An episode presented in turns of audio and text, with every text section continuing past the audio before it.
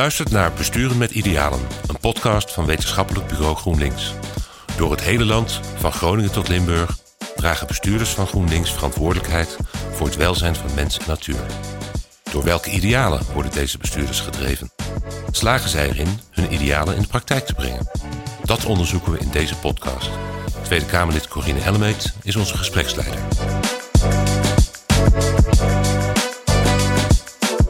De gaswinning moet gewoon naar nul. En, en die gevoelens uh, van, nou ja, toch wel inderdaad dat, dat, dat Groningen wat ver lijkt af te staan van de, van de Randstad, um, die deel ik wel. Tegelijk, uh, tegelijkertijd heb ik natuurlijk vanuit mijn positie, vind ik dat ik ook de rol moet vervullen om te zorgen dat die afstand minder groot wordt.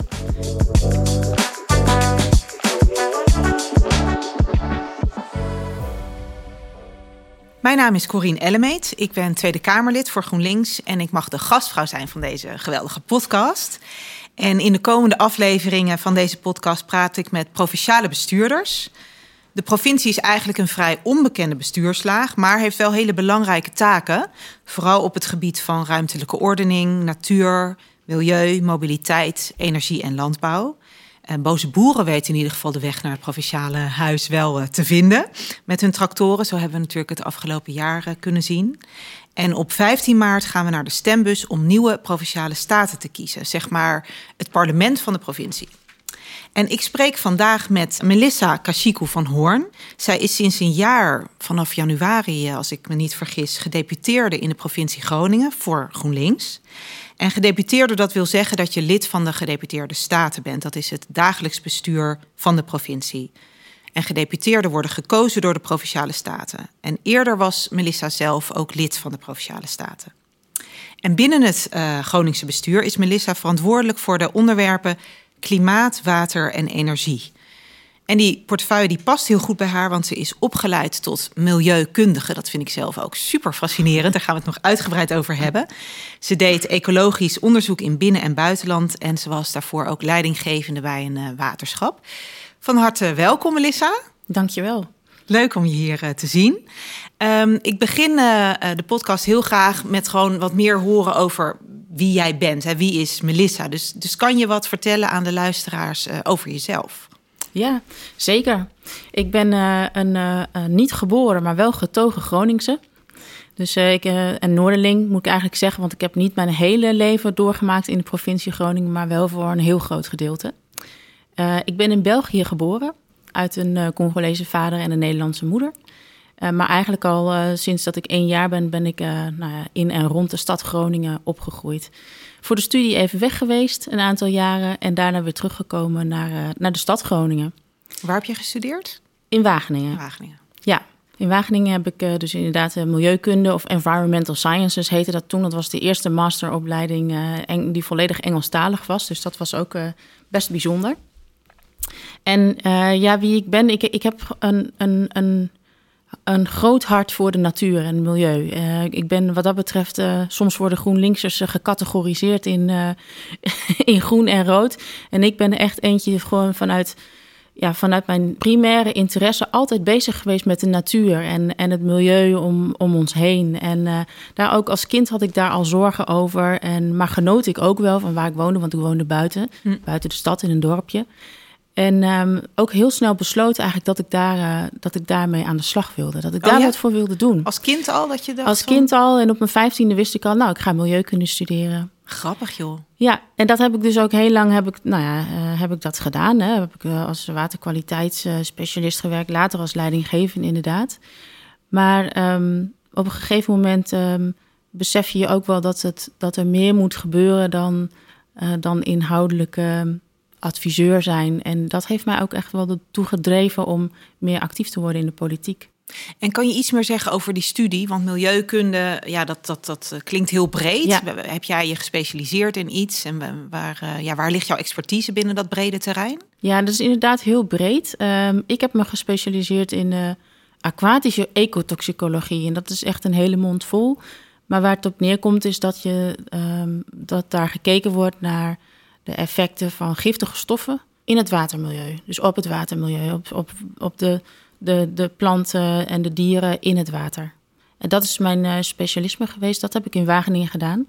Dus ik, heb ook, ik ben afgestudeerd op de effecten van vlamvertragers. Dat zijn stoffen die, die zitten in gordijnen en in sommige kleding. om ervoor te zorgen dat, dat de boel niet te snel in de fik vliegt. En wat die effecten daarvan zijn op de ontwikkeling van, van een kikkervisje naar het worden van een kikker. Wauw. En die ontwikkelen, die, die impact zal niet positief zijn. Nee, die, die was zeker niet positief. En, um, en, en dat is ook groot. Want op het moment dat een kikkervisje niet, nou ja, niet een kikker kan worden, dan kan, dan kan uh, de kikker zich natuurlijk ook niet meer voortplanten. Dus dat is een directe bedreiging dan voor, voor kikkersoorten die daar gevoelig voor zijn. Dus uh, je, er zijn ook hele bijzondere effecten die ontstaan op het moment dat nou, dat heet dan een metamorfoseproces, hè, van kikkervisje naar kikker. Als dat niet lukt, dat, dan zie je bijvoorbeeld in sommige gevallen zie je dan dat een kikkervisje heel groot wordt, een soort reuzengroei ontwikkelt, maar geen kikker wordt. Dus ze groeit wel door, maar komt niet in het volwassene stadium. En dat zijn nou typisch van die dingen die, ja, dat zijn milieueffecten met, met desastreuze gevolgen. Want nou ja, een kikker is natuurlijk ook weer een element in het totale ecosysteem. En dat raakt daarmee gewoon uit balans. En, en uh, je hoort er wel eens wat van. Hè? Ik bedoel, ik als leek, ik ben uh, wat minder uh, groen onderlegd. Maar hoor je natuurlijk over de gevolgen van giftige stoffen op onze waterkwaliteit bijvoorbeeld. Ja. jij hebt dan vooral dan naar, naar dieren ook gekeken. Is dit een, een groot probleem in Nederland? Ja, het is een tijdje geleden dat ik hierop afgestudeerd ben, want ik ben in 2004 afgestudeerd. Het mooie is wel dat uh, die stoffen destijds, uh, waar ik onderzoek naar heb gedaan, dat die ook opgenomen zijn op uh, um, stoffenlijsten die dan Europees worden vastgesteld. En dat betekent dat daar vervolgens ook beleid op wordt gemaakt. Dus dat die stoffen niet meer zo toegepast mogen worden als dat ze destijds werden. Daarom is dat soort onderzoek ook gewoon heel belangrijk. Um, en tegelijk zijn er ook stoffen op de markt waarvan je nu nog niet precies weet wat ze op de langere termijn doen met een ecosysteem of met soorten, dus met, met, met, met dieren of planten. En um, ja, die worden dan wel onderzocht, maar dan kom je er eigenlijk pas later achter dat ze dus zo'n negatief effect hebben. Dus er wordt wel degelijk wordt daar wat mee gedaan. Maar um, nou ja, de impact uh, kan dus best heel groot zijn. Ja, ik weet wel vanuit de Tweede Kamer dat Suzanne Kreuger uh, en Kautar uh, Bouchalikt ook met dit onderwerp bezig zijn. Dat er nog steeds wel voorkomt dat, uh, nou ja, dat je giftige stoffen hebt die dan wel het land incijpelen of ja. in het water terechtkomen. En dat dat inderdaad een onderwerp is wat niet zozeer, denk ik, bij mensen meteen op het vizier staat. Het is niet het eerste waar ze aan denken als we het hebben over onze kwetsbare natuur. Ja. Maar, uh, mooi. ja, klopt. Je, er zijn gewoon nu ook nog steeds wel stoffen die in de landbouw werden gebruikt of worden gebruikt. Uh, die, uh, die schadelijk zijn. Want dat, daar, daar komt het vandaan. Het is niet alleen landbouw hoor. Het is ook de manier waarop terreinen worden schoongemaakt bijvoorbeeld. en we krijgen daar wel steeds meer kennis over. Maar helaas worden er ook steeds weer nieuwe stoffen op de markt gebracht. Ja. dus moet je dat goed in de gaten blijven houden. Dus het monitoren van wat er ja, in het water terechtkomt... via bodemafspoeling of uitspoeling... En de lijsten voor welke stoffen er nou eigenlijk op de markt zijn, dat moet gewoon continu heel goed in de gaten gehouden worden. Dat ja. gebeurt gelukkig ook. Ja. Ik ben altijd blij dat we binnen GroenLinks uh, ook zulke experts hebben. Ik vind uh, Bas Eickhout ook altijd een voorbeeld van iemand die gewoon heel inhoudelijk ja. goed onderlegd is. En nou, dat geldt voor jou ook. Hey, je vertelde um, ook even dat je um, in België was geboren, um, dat je mm -hmm. half Congolees bent en vervolgens naar Groningen bent gegaan. Ik kan me voorstellen dat, nou ja, dat je in die zin uh, daar een wat andere positie had als kind misschien uh, voor, uh, voor andere kinderen. In eerste instantie dat er niet veel kinderen waren die half Congolees waren in Groningen. Hoe heb je dat ervaren? Ja, ik denk dat het wel goed is om even. Ik noemde al dat ik in en rond de stad ben getogen. Um, en er is, er zit een groot verschil tussen de stad Groningen en, en de dorpen daaromheen. Ik ben zelf voor een groot deel in, in dorpen opgegroeid. En daar was ik wel een opvallende verschijning kan ik je vertellen. En dat was niet altijd leuk. Um, andere kinderen hadden daar niet zoveel last van hoor, maar ik zelf vooral. Want je, kinderen zijn natuurlijk gewoon super eerlijk tegen elkaar. Dus op het moment dat zij zien dat je er anders uitziet, dan zullen ze dat ook gewoon benoemen. En dat is niet altijd fijn. Uh, want daarmee uh, ja, word je eigenlijk wel gewoon heel erg gedrukt op dat feit dat je er anders uitziet. Het grappige is, toen ik echt heel klein was, Mhm. had ik het zelf niet eens door dat ik er anders uitzag. Maar het was doordat anderen dat tegen mij zeiden. Want je staat niet de hele dag in de spiegel te kijken natuurlijk. hey, jij bent anders. Toen dacht ik, oh, eh, ben je geadopteerd? Vroegen ze dan ook heel vaak. Ja, Dat was een soort standaardvraag. En eh, toen dacht ik van, eh, ja, wat is dat eigenlijk? Dus toen ben ik het aan mijn ouders gaan vragen. En ehm, nou, toen, kwam, toen viel het kwartje een beetje van... oh ja, ik ben inderdaad iemand met een getinte huid. En ja, dan komt, ook gewoon, dan komt er ook wel een proces los van... nou, bezig gaan met je eigen identiteit. En in de stad Groningen is dat toch wel anders... want nou ja, daar valt dat gewoon minder op... want daar wonen gewoon heel veel verschillende soorten mensen. Ja, ja, ja. Ehm, heeft je dat ook eh, eh, gevormd in, nou ja, misschien in hoe je politiek bedrijft? De- heeft dat iets gedaan met wat je belangrijk vindt in de politiek? Of helemaal niet, dat kan natuurlijk ook. Ja, nee, zeker. Eh, ik vind het een heel belangrijk element. Ehm, ik ben zelf echt een heel inhoudelijk gedreven persoon. En, en, en ik kan ook niet op een andere manier goed politiek bedrijven. Ehm, dus ik heb heel erg, eh, eh, zoals ik al zei, de focus op milieu en natuur. Ehm, dat, dat past gewoon het beste bij mij. Maar tegelijk ben ik ontzettend blij dat ik door mijn aanwezigheid eh, en mijn verschijning ook hoop en kan laten zien dat de politiek niet alleen maar voor één bepaald soort mensen is. Ja. Ehm, en met één bepaald soort uiterlijk. Ik hoop door mijn ehm, eh, verschijning te laten zien ehm, dat de politiek voor iedereen is. En eh, dat het ook stimuleert om mensen met een andere culturele achtergrond, eh, van kleur, waar in het hele spectrum zeg maar, van diversiteit en inclusie aanspreekt en aanmoedigt om ook ehm, de politiek in te gaan. Of in ieder geval eraan te ruiken en te, te, te bekijken of het wat voor ze is. Dus dat is iets wat ik, ja, wat ik nou, tot dusver bewust op die manier heb gedaan.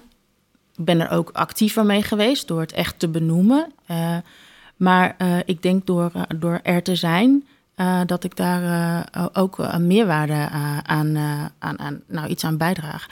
Ja, dat hoop, dat hoop ik vooral. Dat denk ik wel zeker.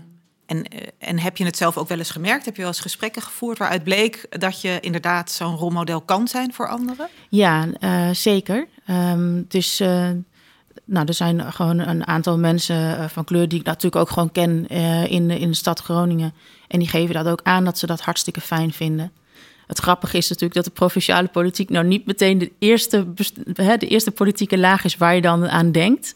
Eh, maar dat maakt op zich niet zo heel veel uit. Politiek is politiek. Ja, ja, en ik denk ook echt dat het. We zien natuurlijk, je hoort ook vaak over de kloof tussen de politiek en de samenleving. En dat het gewoon belangrijk is dat mensen zich vertegenwoordigd voelen. En dat kan op allerlei manieren. Dat kan door inhoud, maar dat kan ook doordat je je herkent eh, in iemand. Precies. Ja. ja. Ehm, een, een onderwerp wat je o- ook veel aandacht hebt gegeven is ehm, de discussie over het slavernijverleden. En het is ook natuurlijk interessant dat Groningen zelf een afdeling had in de 17e en de 18e eeuw Ja. ehm, van de West-Indische Compagnie. Eh, dus dat Groningen zich ook bezighield met slavenhandel en de uitbuiting van tot slaafgemaakten op de plantages in, eh, in Zuid-Amerika. En wat ik interessant vond, je hebt daar ook over geschreven, is dat je zegt dat je het slavernijverleden wil belichten op een manier die niet polariseert. ja. Kan je dat Klopt. eens uitleggen? Het idee is eh, dat we hebben eh, met elkaar een verleden. We hebben met elkaar allemaal, dus eh, het maakt niet uit wat je huidskleur is, eh, een verleden en, en ehm, een geschiedenis. Ehm, en die geschiedenis, ehm, eh, eh, die, ja, die, die is natuurlijk op een bepaalde manier opgeschreven. Op een gegeven moment eh, kwam ook de constatering dat er eigenlijk een deel van de geschiedenis ook is weggelaten. En dat had met name hierop ook betrekking. Hè, dus hoe dat in de schoolboeken staat. Dus dan het stukje over dus, nou ja, de, het slavernijverleden, dat werd dan weggelaten. Ehm, dat komt volgens mij heel erg doordat er toch een gevoel, een bepaald schuldgevoel is. ehm, dat men het toch moeilijk vindt om dat onder ogen te zien. Maar op het moment dat je het hebt over, ja, maar dat is iets wat wij samen hebben. Onze samenleving zit nu zo in elkaar. We wonen hier nu ook samen hè, met nazaten van tot slaafgemaakte en, en met witte mensen en met allerlei andere culturen nog meer. Dat komt doordat we een bepaalde geschiedenis met elkaar hebben doorgemaakt. En dat gemeenschappelijke, eh, dat, eh, dat kan er gewoon voor zorgen dat we het er met elkaar over kunnen hebben. En heb je ook weerstand ondervonden toen je dit eh, op de agenda wilde zetten? Ja, dat uh, behoorlijk wat weerstand. Um, en um, dat, nou, daar waren we ook wel een beetje op voorbereid. We hebben dat dus toen, toen statenlid was, hebben we een motie ingediend uh, als GroenLinks. En specifiek uh, heb ik dat uh, samen met, met een collega-statenlid van mij gedaan, van GroenLinks ook, die zelf ook van kleur is. En we hebben dat ook expres samen gedaan, omdat we voorbereid wilden zijn op weerstand. Um, en um, we hebben het ook wel persoonlijk gemaakt omdat dat werkt gewoon vaak goed in de politiek natuurlijk. Zeker. Tegelijk geef je jezelf daarmee wel bloot. Dus we hebben daar heel goed over nagedacht. En het helpt dan uh, dat je met z'n tweeën bent. Want af en toe heb je dan zo'n moment van zo'n moment van instinking. En dan is het fijn als de ander weer even kan zeggen van kom op, we gaan door, we hebben dit afgesproken. Maar in het debat, wat inderdaad, het motiedebat wat wij hadden aangevraagd, Um, over het, uh, het slavernijverleden, maar vooral ook over diversiteit en inclusie in bredere zin, merkten we dat, um, dat een heleboel uh, partijen daar eigenlijk nog niet zo toe waren. We kregen gelukkig, en nou, dat hadden we ook verwacht, maar gewoon steun van de Partij van de Arbeid en uh, ook van de Partij voor de Dieren. Maar van een aantal andere partijen hadden we dat eigenlijk ook verwacht. En die vinden het dan toch moeilijk om te benoemen wat er aan de hand is en wat er is gebeurd dat blijft gewoon een heel gevoelig onderwerp. En heb je het idee dat je inmiddels wel dat je stappen hebt gezet? Of dat de provincie Groningen daarin stappen heeft gezet? Ja, we hebben stappen gezet. Er zijn ook dingen bereikt naar aanleiding van dat debat. Hè, want uh, we, vieren nu, uh, we, we, besteden nu aandacht aan uh, eh, 21 maart, de dag dat we tegen racisme en, en discriminatie. dus daar zijn we heel blij mee. Uh, en uh, er is ook uh, gewoon erkenning voor het probleem, is ook aangegeven vanuit het college destijds. Dus voor het feit dat het zo is geweest zoals het was. Um, tegelijk willen wij natuurlijk gewoon nog veel meer. Wij willen echt wel graag dat er ook um, gekeken wordt naar um, hoe bedrijven. bedrijven kunnen bijvoorbeeld actief een anti-discriminatie en uh, meer inclusief beleid uitdragen. Um, en ook dat leidt vaak wel tot een maatschappelijke discussie van moet je dat nou wel doen als bedrijf? Hè?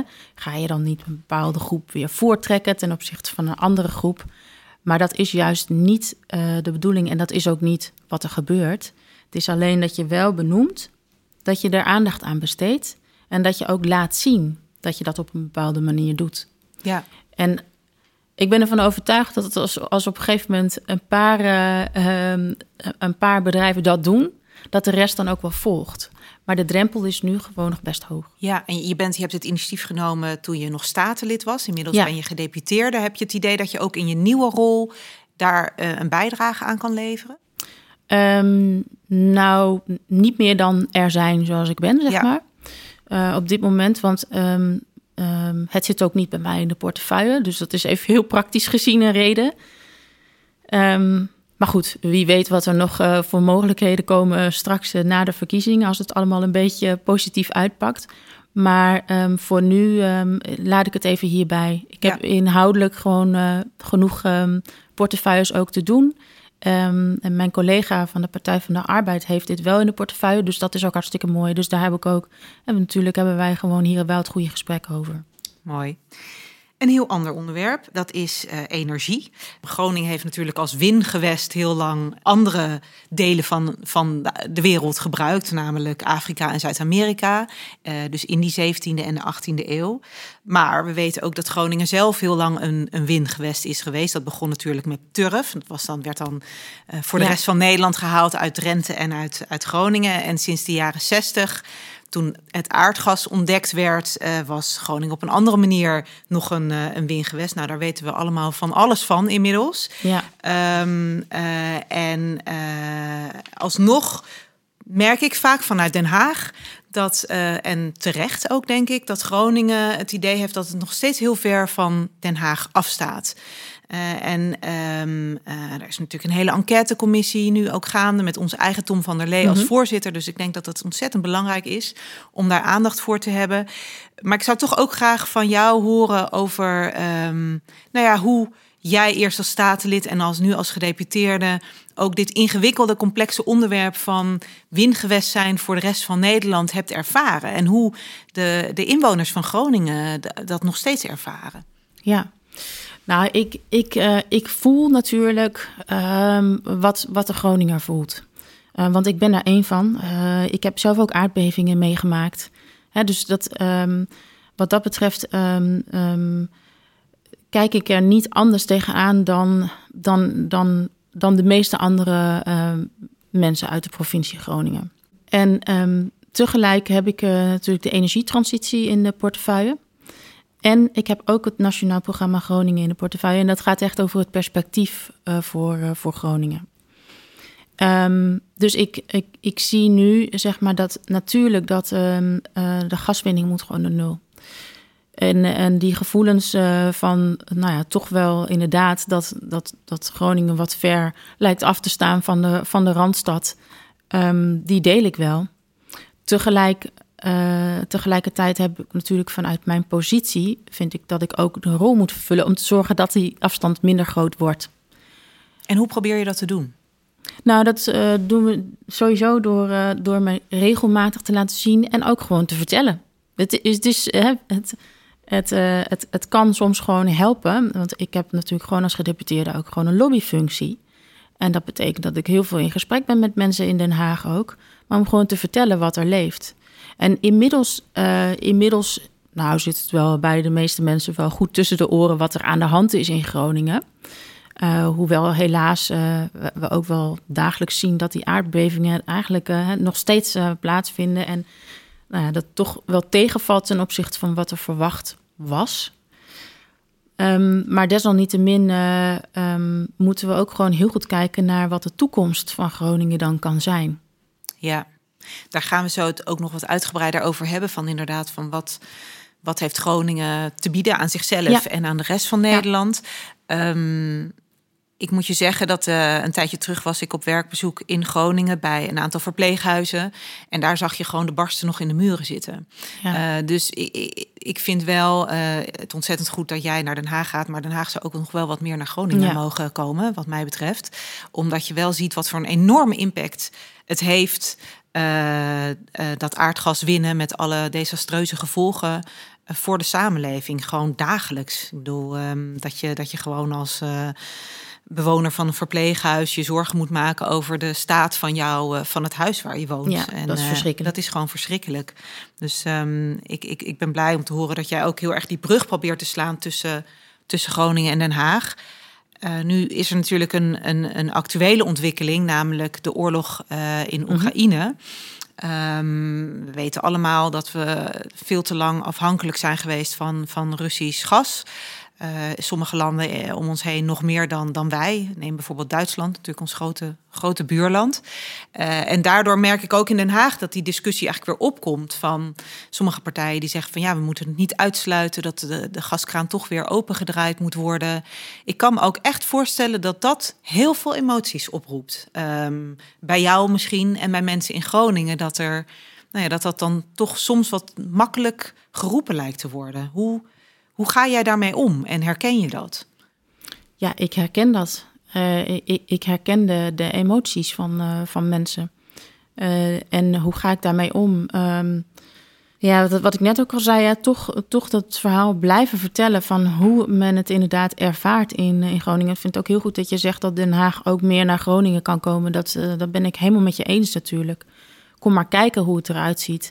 Het is gewoon uh, natuurlijk, je, je, schrikt als je ziet dat een huis uh, volledig uh, um, ondersteund moet worden met allerlei stutvoorzieningen om ervoor te zorgen dat de boel niet instort en dat er dan ook nog mensen in moeten wonen of hebben gewoond. Ja, dat geeft een heel onveilig gevoel.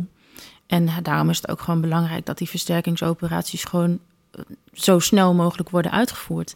En dan wordt er wel vaak gezegd, ja, we doen het zo snel mogelijk. Maar je hebt het zelf ook gezien. Ja. Er is nog een heleboel niet gedaan ook. Ik kan me ook voorstellen dat dat best frustrerend is, omdat het zo'n taai proces is. En uh, allemaal zo lang duurt. En er worden wel stapjes gezet. Maar ik bedoel, jullie geduld wordt wel erg uh, op de proef gesteld. Je lijkt me een heel rationeel en beheerst en rustig persoon. Zijn er ook wel eens momenten dat je met je vuist op tafel slaat... of dat je emoties even de boventoon voeren? Of hoe, hoe, hoe zit dat in jouw werk?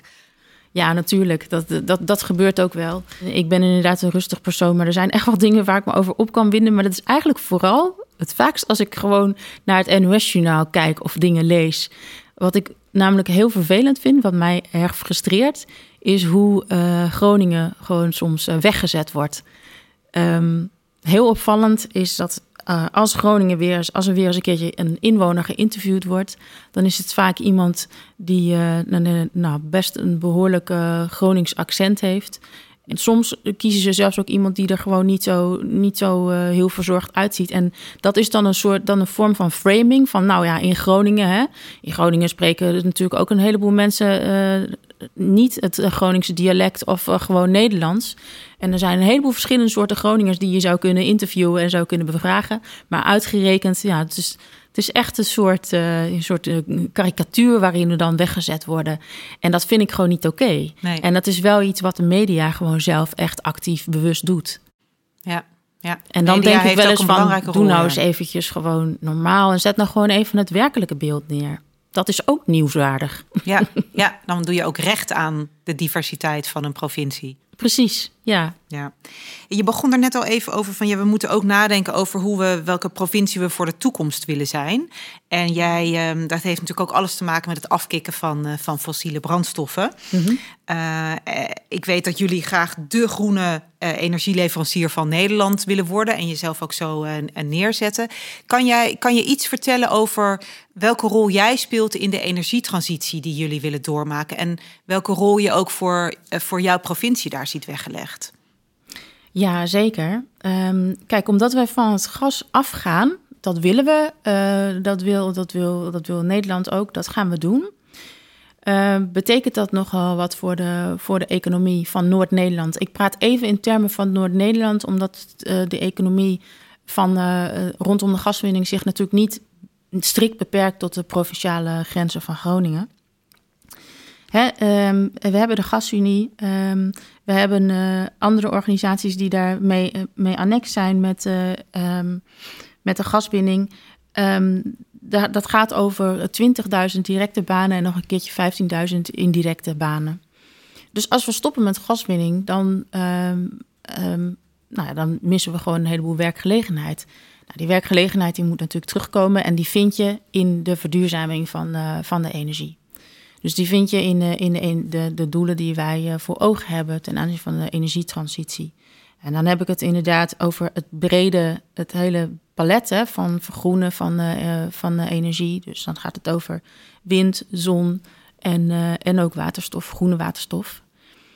Um, en um, nou ja, dus dat is, dus dat is iets wat nodig is. Die, die, nieuwe banen, we hebben nieuwe banen nodig en die kunnen op dat ja. groene terrein liggen.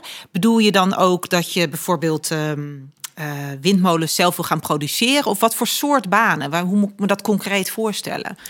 Nou, eigenlijk gaat het over het hele palet in, de, in de energietransitie.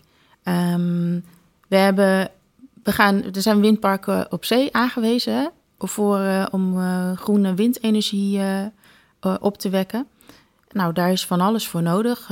die parken die moeten zelf aangelegd worden. Um, er moet infrastructuur komen, bekabeling om dat aan land te brengen. En vervolgens moet dat weer nou, dat, dat, dat kan dan gebruikt worden of het kan omgezet worden in energiedrager waterstof.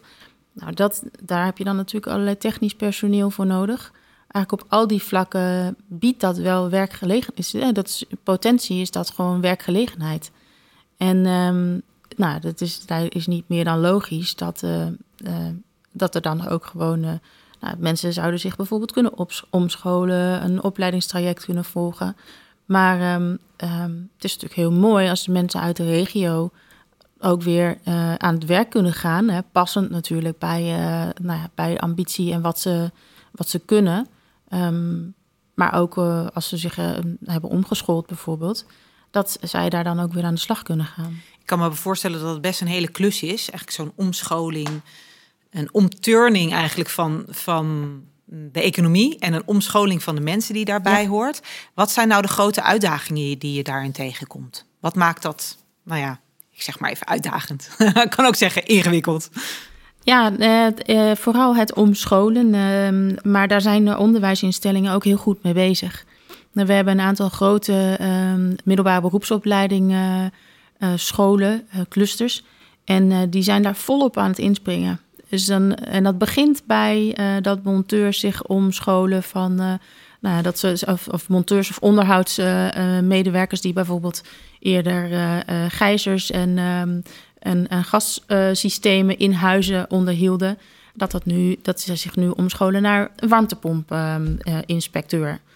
maar ook, um, ja, wat ik net ook al noemde, kijk bij de gasunie natuurlijk ook. Hè, er zijn gewoon heel veel mensen die zijn de expert op het gebied van gastransport. Nou, dat gaat, uh, dat gaat meer waterstof worden. Um, gasleidingen moeten daar ook voor worden aangepast. Dat gebeurt ook. Nou, dus die aanpassingen, dat zijn allemaal dingen die, ja, die mensen zich gewoon aanleren. En uh, waardoor ze gewoon uh, straks ook gewoon weer makkelijk daarin kunnen, in kunnen rollen in de, in de banen van de toekomst. Ja, dus als ik jou zo hoor, dan, dan, dan klinkt dat eigenlijk best um, optimistisch. Je klinkt best optimistisch dat die transitie wel uh, goed doorgemaakt kan gaan worden in Groningen. Ja, ik ben daar ook optimistisch over. In Groningen zijn wij gewoon doeners. En ik, ik, ik hoor mijzelf ook het woord gewoon gebruiken. Dat is ook heel erg uh, Gronings. Hè? Van, uh, nou ja, niet night Susan, maar down. Dus gewoon... Die moet je even vertalen voor mij. gewoon niet zeuren, maar gewoon doen. Aan de slag. Niet te veel beren op de weg zien. Maar gewoon probeer het gewoon. Pak het aan en, en, en doe het dat is wel echt een Groningse mentaliteit, dus dat past daarbij. Er is ook nog een, eh, een interessant nieuwtje, namelijk dat, dat jij of Groningen een, eh, een Europese onderscheiding uh, hebben gekregen. Kan je daar wat meer over vertellen? Ja, we hebben als regio zijn we Hydrogen Valley. En um, dat betekent dat we um, nou, alles wat eigenlijk de, wij noemen dat ook het waterstof-ecosysteem. Dat, dat is een heel systeem waarbij um, vraag en aanbod bij elkaar komt. Dus we hebben en, en productie. We zijn daar gewoon heel ver mee. Wereldwijd zijn we daar heel ver mee. Uh, Europees het verst. Uh, door, um, um, doordat we bedrijven hebben die zich bezighouden met, uh, met productie, maar ook met afname. Dus die dat gewoon weer kunnen gebruiken om hun productieproces verder aan te zwengelen. Maar ook transportsystemen zijn er en opslagsystemen. Ja, dus daar zijn we wel trots op dat we dat hebben ontvangen. Ik kan me voorstellen. Uh, er wordt heel vaak gesproken over groene waterstof en hoe belangrijk dat is om, om over te schakelen op, op een duurzame economie. Tegelijkertijd is het ook nog een soort begrip waarvan heel veel mensen denken: nou, het zal wel groene waterstof. Kan, kan jij uitleggen wat het, wat het inhoudt? Wat is groene waterstof? En welke rol kan het dan spelen in die duurzame economie? Ja, groene waterstof wordt geproduceerd door middel van groene energie. Want waterstof kan je op heel veel verschillende manieren produceren. Maar het is alleen groen als het uh, met behulp van groene energie wordt geproduceerd. Dus en daarom is het ook heel belangrijk dat als je dat echt grootschalig wil doen, dan heb je gewoon grootschalige wind- of zonne-energie nodig. En um, nou ja, dus vandaar wederom dat ook nou, niet alleen binnen Groningen, maar ook het Rijken heeft aangegeven dat het belangrijk is dat we veel zoveel mogelijk wind op zee, ook uh, windparken op zee uh, gaan realiseren. Want dan kan je gewoon enorme hoeveelheden groene energie uh, produceren. En die twee dingen komen ook samen dan in Groningen, kan ik me voorstellen. Dat je dichtbij die windenergie hebt en dan die waterstof kan produceren. Ja, ja want wij hebben in Groningen de Eemshaven.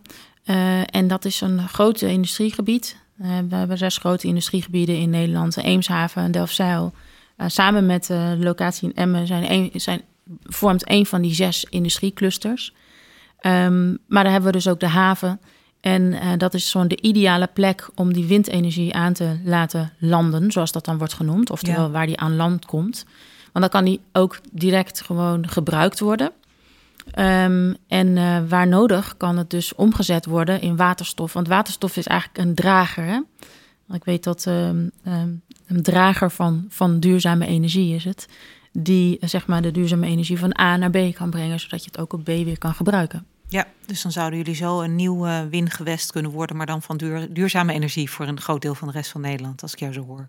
Klopt, en uh, um, windgewest uh, vind ik op zich nou, het is een bijzonder woord, um, want het klinkt een beetje alsof er inderdaad daar wat gewonnen wordt en het elders wordt ingezet. Maar ik wil nog wel even onderschrijven dat echt de bedoeling is dat we ook de baten in Groningen houden. En dat is dan wel het verschil met het windgewest uh, de gaswinning, Ja. waarbij eh, de inwoners van de provincie Groningen eigenlijk heel weinig daarvan hebben meegekregen. Behalve natuurlijk die werkgelegenheid, die we echt niet moeten vergeten. Maar we willen graag met deze, in deze transitie waar we nu in zitten naar het groene windgewest, om het zomaar eh, eh, om even die, eh, die terminologie vast te houden, willen we ook zorgen dat er gewoon goede opleidingen bij komen. Dat, nou, dat het ook echt werkgelegenheid is voor de Groningers zelf. En eh, dat, ehm, dat, het, ja, dat het voor de samenleving ook wat oplevert. Ja, ik zou bijna willen zeggen, het is wingewest tussen ha- aanhalingstekens. Want het is in eerste instantie, en dat hebben we hopelijk geleerd ook van het verleden, de winst ook voor Groningen zelf. Juist. In plaats van de hele tijd eh, alleen maar te leveren aan, aan de rest van Nederland. Ja, Ja, ik kan me ook voorstellen dat dit eh, Groningers trots maakt. Eh, en terecht. Ik bedoel dat, dat jullie nu koploper zijn in Nederland op die eh, groene waterstof. Dat is ontzettend eh, belangrijk. Ehm, klopt ook mijn beeld dat, dat Groningers ook trots zijn. En, eh, en ehm, nou ja, dat is ook wat jij daarnet zegt, hè, van de media kan een heel bepalende rol spelen. En voor je het weet worden Groningers als slachtoffers neergezet. Dat zijn ze ook. Maar nou, in mijn bezoeken valt me altijd op dat het trotse mensen zijn. Herken je dat ook, ook als het gaat om, om deze ontwikkeling? ik denk dat eh, Groningers wel eh, trots zijn, maar ook bescheiden. Dus eh, en waardoor je die trots eh, niet altijd zo heel goed ziet. Ik kan me goed voorstellen dat als jij inderdaad op bezoek gaat en eh, in gesprek raakt met mensen, dan zal je dat zeker horen en zien. Maar Groningers zijn niet zo van eh, we gaan even heel hard onszelf op de borst kloppen en op de tafel roffelen van kijk hier zijn we en dit doen we allemaal zo goed. Daar zijn we dan ook weer te bescheiden voor. Ah, ik moet zelf zeggen dat ik bescheidenheid een hele mooie eigenschap vind. Ja, ik ook. Uh, maar soms dan uh, komt het gewoon even beter uit als je iets meer je trots ook uit. Dus dat mogen we ook wel iets meer doen als je het mij vraagt. Mooi. Ja, het valt mij op. Het begint er natuurlijk mee. Heb je aandacht voor de ander?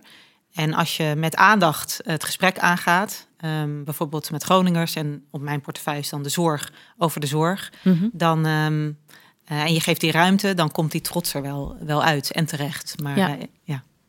Ik ben Helemaal het ook eens. met je eens hoor. Van uh, bescheidenheid is ook een deugd. En, en, zeker in de politiek wordt dat soms wel eens onderschat. Ja. uh, waterstofeconomie is, is, uh, is prachtig, maar er zit ook een ingewikkeldheid aan. Namelijk dat er voor een deel ook um, opslag bij zit van waterstof onder de grond. Ik kan me ook voorstellen dat dat wel gevoelig ligt bij, bij Groningers. Ja, dat is ook zo natuurlijk. Maar wij hebben ook als provincie daar heel duidelijk beleid op. Hè? Um, we hebben een, een, een, nota ondergrond waarin alles staat ten aanzien van uh, hoe wij daar tegenover staan. En uh, dit soort dingen kunnen alleen indien de veiligheid gewaarborgd wordt. Dus er wordt op dit moment vooral heel veel onderzoek gedaan naar wat, het eigenlijk, wat er eigenlijk gebeurt als je dat doet, als je waterstof opslaat in de ondergrond. En de veiligheid is daarbij het eerste wat onderzocht wordt.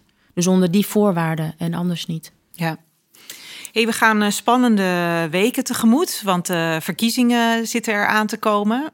Um, ik kan me voorstellen dat dat ook iets betekent voor jouw agenda en uh, nou ja, voor waar je je de komende tijd mee bezighoudt. Hoe ga jij die verkiezingen in? Ja, met spanning. Ja, ik vind het, ik vind het echt best wel spannend, de verkiezingen. En niet alleen voor mezelf, want ik ben natuurlijk lijsttrekker. Dat is ook voor het eerst. En ik ben ook nog gedeputeerde. Dus het is ook ja, een, hele, uh, een, een hele bijzondere tijd. Waarin uh, aan de ene kant heb je dan de drukte, zeg maar, van. of eigenlijk is het een soort voordrukte. We zijn vooral activiteiten aan het plannen. Maar straks dan gaan er natuurlijk ook debatten plaatsvinden en gaan we allerlei activiteiten doen. Dus dat probeer je te plannen en dan gaan we uitvoeren. Tegelijk gaat het werk ook gewoon door als gedeputeerde, als dagelijks bestuurder van de provincie. Um, wij worden ook niet demissionair als, als provinciaal bestuur. Uh, natuurlijk ga je niet allerlei grote um, dossiers uh, opstarten die, die politiek heel gevoelig zijn. Maar er zijn gewoon een aantal dingen, zoals nou, de transitie van het landelijk gebied. Dat is gewoon een hele grote taak, die ligt bij ons. Dus dat gaat gewoon door. Dus um, ja, ik ga erin als, nou ja, sowieso vol energie, want het is ook nodig. Dus... En wat maakt het spannend? Je zegt, ik vind ja. het spannend. Ben je, ben je bezorgd over bepaalde ontwikkelingen? Nou, ik, ik vind het spannend omdat um, omdat je merkt dat er gewoon een grote verdeeldheid is uh, onder, onder de kiezers, onder de, onder de inwoners van Nederland en dus, uh, dus die van de provincie Groningen. Um, en dat vind ik spannend, uh, omdat ik gewoon heel erg benieuwd ben um, naar de uitkomsten. Je ziet, je zag vier jaar geleden, zag je al dat er al, toen kwam Forum voor Democratie kwam toen op. Die, heeft toen mee, die hebben toen meegedaan in de provinciale staten. En die hebben forse winsten geboekt, zijn heel groot geworden.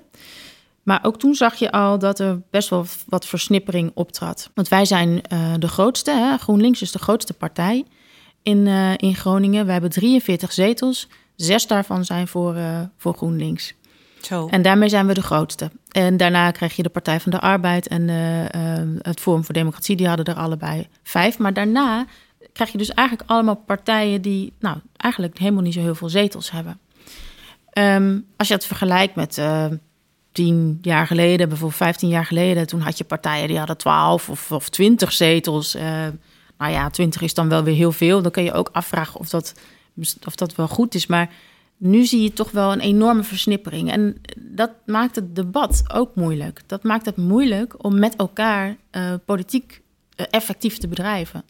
Je ziet nu ook al, we hebben, we hebben ontzettend veel fracties uh, in de provinciale staten van Groningen. En dan zie je nou ja, heel veel eenmansfracties die dat is in de Kamer trouwens niet, niet anders. Maar die dan ook uh, nog, nog wat willen zeggen. Of, en dat is logisch, want zij hebben een eigen partij. Um, maar dan worden het hele lange vergaderingen. Terwijl uiteindelijk de verschillen misschien niet eens zo heel erg groot zijn. Dus ik ben mijn zorg zittende in dat, um, dat er straks misschien nog meer versnippering optreedt. Dat er nog meer kleine partijtjes zijn. En uiteindelijk zul je wel ook een meerderheid moeten gaan vormen als coalitie. En ik denk dat dat een uitdaging gaat worden deze periode hebben, heeft links ook al geen meerderheid. Dus je moet ook besturen met, uh, met rechts. Ja. Dat is natuurlijk al een uitdaging op zich. En de uitdaging wordt misschien nog groter. Hoe is je dat. Um, uh, hoe is dat gegaan, dat besturen met rechts? En heb je het idee dat GroenLinks wel voldoende zijn stempel heeft kunnen drukken de afgelopen jaren? Ja. Het uh, provinciale beleid. Ja, ik denk dat GroenLinks absoluut de stempel goed heeft kunnen drukken. Want we, we, we waren de grootste, dus dat is een groot voordeel. Um, er zijn in het, coalitieprogramma uit 2019, daar, als je dat leest, dan zie je gewoon een hele grote invloed van GroenLinks. Lees je daaruit terug. Dat, dat kun je gewoon herkennen. En we hebben een hele goede klimaatagenda bijvoorbeeld, die is opgesteld. En um, ook als het gaat om uh, bijvoorbeeld mobiliteit. Hè, wij, wij zitten inderdaad in een brede coalitie met VVD en CDA, maar ook met, CDA, uh, ook met, um, met D66 en de Partij van de Arbeid. En je ziet bijvoorbeeld ook dat op het gebied van mobiliteit, dat we daar ook heel ver in vooruit zijn. Dat was niet de portefeuille van GroenLinks, maar wel van D66, die ook enorm bezig zijn geweest met het vergroenen en verduurzamen van, uh, uh, van, van het openbaar vervoer bijvoorbeeld. Dus um, ik ben wel heel erg tevreden over hoe het toen is gegaan en hoe we toen ons stempel hebben kunnen drukken. Um, tegelijk is het natuurlijk dat je wel dagelijks met elkaar besluiten neemt, of wekelijks in ieder geval, maar ja. soms ook dagelijks, met elkaar in breed coalitieverband besluiten neemt. En um, ja, dan is het uh, soms een beetje meer van dit en soms een beetje meer van dat. Dus het zou mooi zijn als bij de volgende verkiezingen links nog wat groter wordt. Dat we nog iets meer onze stempel. Dat zou uh, heel mooi zijn, ja. Drukken. ja. Hey, uh, we, uh, deze podcast heet Besturen met Idealen. En dat is natuurlijk altijd een spanningsveld. Je bent bestuurder, ja. je hebt te doen met de praktijk en de realiteit van iedere dag. En je hebt je idealen. Jij bent duidelijk ook iemand die sterk gedreven wordt door je idealen. Um, wat is nou je grote ideaal voor, stel je gaat weer besturen de komende vier jaar, voor de komende vier jaar? Wat ga je proberen ja, werkelijkheid te maken, ondanks die ingewikkelde bestuurlijke realiteit? Um, twee, uh, twee dingen die, um, um, die ik heel belangrijk vind. Eén uh, is ten aanzien van, ik noemde net al eventjes de transitie landelijk gebied. ik heb op dit moment de portefeuille water en klimaat. en daar gaat gewoon heel veel gebeuren. We hebben, uh, ik, ik vind dat, dat, ik een mooi verhaal heb. Hè? Want nu met de energietransitie, als wij niet snel ons, ons best gaan doen om, om te vergroenen, dan zal klimaatverandering verder toenemen. En dan krijgen we meer last van wateroverlast en droogte. En, dan dat, en dat is eigenlijk een beetje het verhaal van de portefeuilles die ik nu heb. Maar er is gewoon ook heel veel, dus er is heel veel te doen op dat gebied, maar er is ook heel veel te doen op, op het gebied van natuur. Dus ik vind het wel belangrijk dat wij als GroenLinks daar ook gewoon uh, ja, goed, ehm, goed onze, onze beelden en onze gedachten daarin in kwijt kunnen. Ehm, de energietransitie natuurlijk idem dito. Maar um, ik moet zeggen dat dat, um, dat besef dat het moet, dat, dat is wel dat doordrongen bij een heleboel andere partijen ook. Dus ik denk dat er echt een grote uitdaging ligt uh, op het landelijk gebied. En natuurlijk ook bij de landbouw uh, specifiek. Uh, de, de, de discussies die er nu zijn ten aanzien van uh, um, dat boeren echt perspectief geboden moet worden, daar zijn wij natuurlijk als GroenLinks helemaal mee eens. Dat moet gewoon. Uh, het is, niets is vervelender dan dat je niet dat je en je thuissituatie en je bedrijf, zeg maar, dat je niet weet hoe dat er over een paar jaar uitziet. Maar het is wel belangrijk dat we het nu op een duurzame en bestendige manier doen. Ja. Dus dat we echt zorgen dat we uh, ons land zo inrichten dat we er ook uh, en beheren, dat we er ook gewoon over uh, 100 jaar of 200 jaar nog gewoon prima kunnen wonen. En met die klimaatverandering en dat water, um, um, ja, wordt dat, gewoon, wordt dat gewoon steeds belangrijker. Een stijgende zeespiegel en uh, nou ja, de droogte en, en, en, en de, de, de wateroverlast die we, ja, waar we steeds meer mee te maken hebben. We moeten wel zorgen dat we, daar, dat, we dat op een juiste manier inrichten. Um, zodat er ruimte is voor water. dat we nou ja, niet proberen alles met allerlei civiel-technische gekunstelde manieren verder in te richten. Dat kan ook gewoon niet meer. Maar er zijn wel belangrijke keuzes in te maken. Dus volgens mij is dat een grote uitdaging die er ligt voor de komende periode. Ja, ik hoop van harte dat jij daar een grote rol in gaat spelen. Ja, dat hoop ik ook. Ja, heel mooi. Want dat heb je toch nodig om de campagne in te gaan. Ja, zeker. Ja. Hey, hartstikke bedankt en heel veel succes. Dank je wel. De tijd.